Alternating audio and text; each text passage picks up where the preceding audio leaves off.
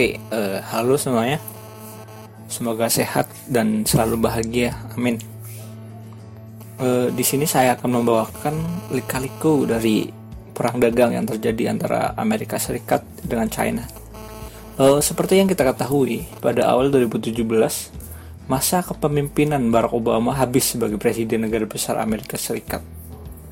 Melalui proses yang panjang, akhirnya Donald Trump terpilih sebagai presiden Amerika Serikat yang baru menggantikan Barack Obama. Donald Trump mengumumkan penerapan tarif sebesar 50 miliar US dollar kepada China. E, sejak Maret 2018, Amerika mengenakan tarif yang tinggi kepada seluruh produk made in China, terutama produk seperti baja dan aluminium. E, hal ini diartikan sebagai dimulainya perang dagang oleh Donald Trump pengumuman memorandum eksekutif yang terkait dengan peraturan tarif impor dan penandatanganan penerapan tarif sekitar 60 miliar US dollar kepada sekitar 827 produk made in China. Tarif tertinggi untuk baja 25% dan aluminium 10%. Cina yang dianggap sebagai negara adidaya kedua dan memiliki peran krusial dalam ekonomi dunia, mereka tidak tinggal diam dan berani membalas kebijakan perdagangan yang dilakukan oleh Amerika Serikat dengan terus menaikkan tarif impor yang berasal dari Amerika. E, kenaikan itu sebesar 34 miliar US dollar yang terdiri atas 128 produk dari Amerika uh, perang dagang ini diawali dari niat Amerika Serikat yang ingin untuk menghukum China terhadap dugaan praktik perdagangan yang tidak adil yang dilakukan oleh China kepada Amerika. Neraca perdagangan Amerika Serikat dan China dalam dua dekade terakhir ini ditandai dengan surplus pada pihak China yang mencapai rekor baru senilai 31 miliar dolar pada 2018 dapat dilihat dari grafiknya. Uh, nah, dapat dilihat di sini grafik dari perdagangan yang dilakukan antar kedua negara tersebut bisa dikatakan tiap tahunnya tuh Cina lebih untung dengan gap yang lumayan juga. Salah satunya impor Amerika yang berlebih yaitu terhadap produk baja dan aluminium dari China. E, sebenarnya tidak hanya dari segi neraca perdagangan China juga diduga memperoleh alih teknologi dari Amerika dengan membatasi perusahaan Amerika. Uh, dalam beberapa pandangan, perang dagang ini hanya akan berdampak pada kerugian ekonomi berbagai negara, serta hanya akan menguntungkan bagi sebagian kelompok saja. Kemungkinan kerugian yang besar dialami bagi industri dan konsumen pada umumnya.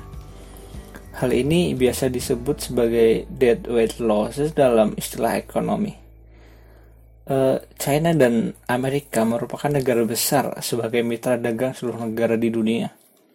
Kekuatan ekonomi mereka menjadi pilihan bagi banyak negara untuk memasarkan produknya. Indonesia juga sebagai salah satu negara berkembang saat ini terus menjalin hubungan baik dengan Amerika dan China uh, Indonesia sendiri menganggap Cina dan Amerika tuh sebagai salah satu mitra dagang utama dalam memasarkan produk Indonesia ke sana. Ya meskipun Amerika dan China tidak menganggap Indonesia sebagai mitra utamanya sih. Dalam keadaan seperti ini, pemerintah Indonesia tidak boleh hanya menonton. Karena ini pun kurang lebih akan berdampak kepada Indonesia nantinya pemerintah harus terus melakukan upaya agar mampu menjangkau pasar kedua negara tersebut. Hal ini harus terus dilakukan sebagai langkah untuk menjaga perekonomian dalam negeri agar tetap aman dan stabil. Pada era globalisasi seperti saat ini, semua negara di dunia akan saling bergantung untuk memenuhi kebutuhannya. Hampir seluruh negara di dunia membuka ekonominya dan memperbanyak hubungan kerjasama dengan negara lain. Dapat dikatakan bahwa di era modern seperti saat ini, tidak ada negara yang mampu sepenuhnya mandiri. Perdagangan internasional telah memberikan pengaruh besar pada pertumbuhan ekonomi global. perdagangan internasional dan pertumbuhan ekonomi menjadi penting. Hmm, ada yang menarik juga mengenai perdagangan ini. Uh, ada dua sisi yang berbeda pendapat. Di mana pada satu sisi berpandangan bahwa perdagangan internasional telah menghasilkan perubahan yang tidak menguntungkan bagi perekonomian di negara berkembang.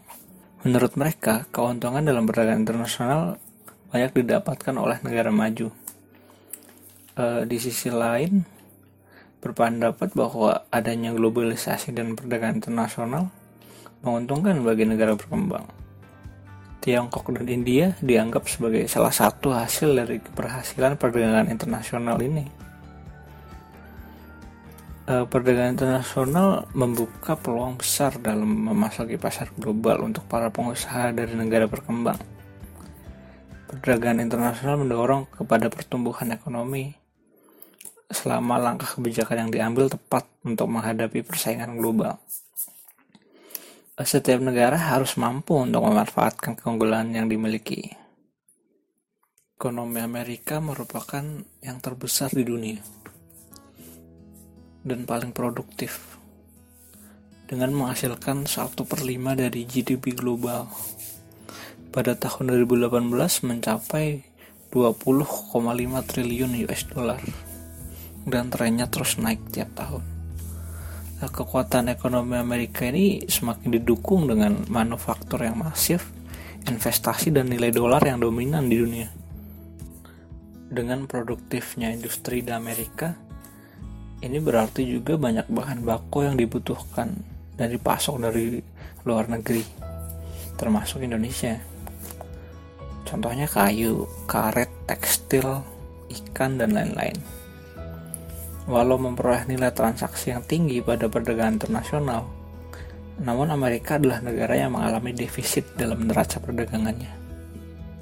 Salah satu penyumbang defisit terbesar adalah China. E, hal ini karena Amerika membutuhkan bahan baku produksi yang murah. E, defisit ini tidak disukai oleh Donald Trump. Dengan latar belakangnya sebagai pengusaha, ia menerapkan banyak kebijakan yang kontroversial. Salah satu kebijakan yang paling disorot adalah perang dagang yang dilakukan dengan China. E, sebenarnya tidak heran jika China sekarang mulai dominan. E, China sendiri dianggap telah menempati posisi negara terkuat kedua setelah Amerika. China meyakini bahwa untuk menyamai Amerika, membutuhkan waktu selama kurang lebih 30-50 tahun lagi. E, untuk mengejarnya, pemerintah membangun sistem yang sistematis dan struktur. Ada konsep Made in China 2025 yang merupakan grand design kebijakan pemerintah China yang telah disahkan sejak 2015 dengan tujuan menjadikan China sebagai negara manufaktur yang high-tech yang mampu memproduksi segala kebutuhannya dalam negeri pada tahun 2025. Dengan adanya kebijakan Made in China ini, maka pemerintah terus memperlakukan akuisisi terhadap banyak perusahaan asing dengan tujuan agar negaranya dapat sejajar dengan negara eksportir produk yang high-tech seperti Amerika, Jepang, Jerman, Korea Selatan, dan lain-lain. Uh, maka kita nggak perlu heran sebenarnya jika sekarang tuh banyak produk made in China yang sangat mudah ditemui di sekitar kita. Dalam hubungan politik dan kenegaraan, sebenarnya China dan Amerika ini memiliki hubungan yang baik. Contohnya aja dalam sektor militer, mereka sering bekerja sama, melakukan latihan militer bareng, dan lain-lain. Uh, termasuk dalam bidang ekonomi E, namun dalam berjalannya waktu kerjasama tersebut, Amerika Serikat sempat mengungkapkan rasa kesalnya karena China diduga sengaja melakukan penurunan nilai mata uang yang mengakibatkan peningkatan ekspor yang signifikan. Sehingga Amerika Serikat di sini menganggap sebagai korban dan merasa sangat dirugikan atas kebijakan China tersebut. Ditambah dengan Komisi Pencurian Hak Kekayaan Intelektual Amerika Serikat pada tanggal 8 Maret 2018 mengusulkan kepada Trump melakukan tindakan tegas terhadap dugaan pencurian hak kekayaan intelektual serta pemaksaan pengalihan teknologi milik Amerika Serikat. E, laporan ini setelah adanya data yang mencatat 87% produk Amerika telah kehilangan hak intelektualnya di Tiongkok. Setiap tahunnya menyebabkan kerugian 600 miliar Eh, dari berbagai barang-barang palsu yang dijual di Amerika juga mayoritas made in China. Uh, berikut adalah beberapa dugaan yang dilakukan Tiongkok atas pencurian hak kekayaan intelektual. Yang pertama, perusahaan Tiongkok memaksa mereka untuk menjalin kemitraan, yang kemudian mencuri teknologi dan akhirnya memutuskan kemitraan. Yang kedua, Perusahaan Tiongkok menggunakan dana pemerintah untuk mencuri inovasi dan rahasia teknologi dari Amerika. Kemudian Tiongkok diduga melakukan spionase dagang. Keempat, perusahaan Amerika Serikat yang beroperasi di Tiongkok tidak diberikan hak cipta yang sama seperti perusahaan lokal. Perang dagang antara Amerika Serikat dengan Tiongkok ini semakin berlanjut kedua negara terus saling membalas dan tidak ada yang mau mengalah. Ya karena masing-masing mempunyai kepentingan yang berbeda. Situasi perang dagang seperti ini juga sedikit banyak membawa efek terhadap Indonesia. Pemerintah Indonesia harus berhati-hati dan teliti dalam mengambil langkah kebijakan, serta memikirkan solusi untuk mempercepat agenda yang telah disusun dalam menghadapi perang dagang ini uh, menghadapi perang dagang ini, Indonesia menyatakan siap berdialog dan sangat terbuka untuk membahas berbagai isu dan concern kerjasama di bidang ekonomi, meliputi perdagangan, investasi yang dapat menguntungkan kedua negara. Uh, Indonesia sendiri melihat perang dagang ini sebagai peluang pasar yang bisa dimanfaatkan untuk kepentingan ekonomi nasional baik dalam rangka mendorong ekspor maupun penguatan investasi. Indonesia memiliki peluang untuk mengisi atau bahkan merebut pasar dari sengketa ini, serta memaksimalkan produk-produk utama untuk diekspor ke luar negeri. Sejak 2017 sampai 18, di sini tercatat ada peningkatan aktivitas ekspor impor Indonesia dengan kedua negara tersebut. Uh, di sini ekspor kita naik baik ke Cina maupun ke Amerika. Namun impornya juga tetap naik. Jadi belum terlalu membawa efek yang signifikan terhadap perbaikan neraca perdagangan nasional. Uh, tentunya dengan adanya kekosongan yang disebabkan perang tarif ini Indonesia memiliki peluang. Beberapa produk Indonesia memiliki potensi untuk mengisi posisi pasar di Tiongkok seperti buah-buahan, benda-benda dari besi, baja, aluminium. Selain bisa ke Tiongkok, Indonesia juga memiliki potensi mengisi pangsa pasar di Amerika, terutama produk dari besi, baja, aluminium, serta tekstil uh, dapat dikatakan posisi Indonesia dalam perang dagang ini adalah netral. Uh, selain berusaha mempercepat perundingan, kualitas daya saing produk lokal juga harus ditingkatkan.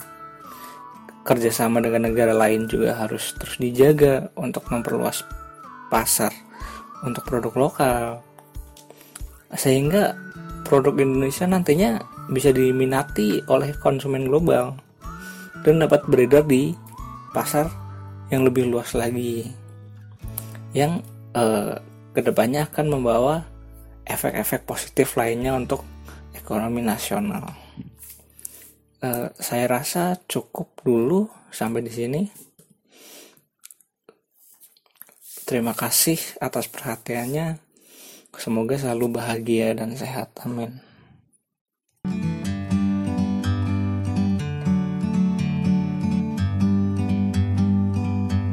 like a bird on a tree. I'm just sitting here. I got time,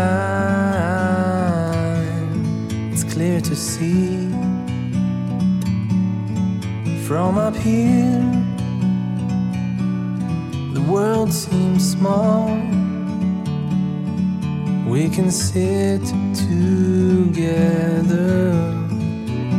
It's so beautiful, you and me. We meant to be great outdoors, forever free.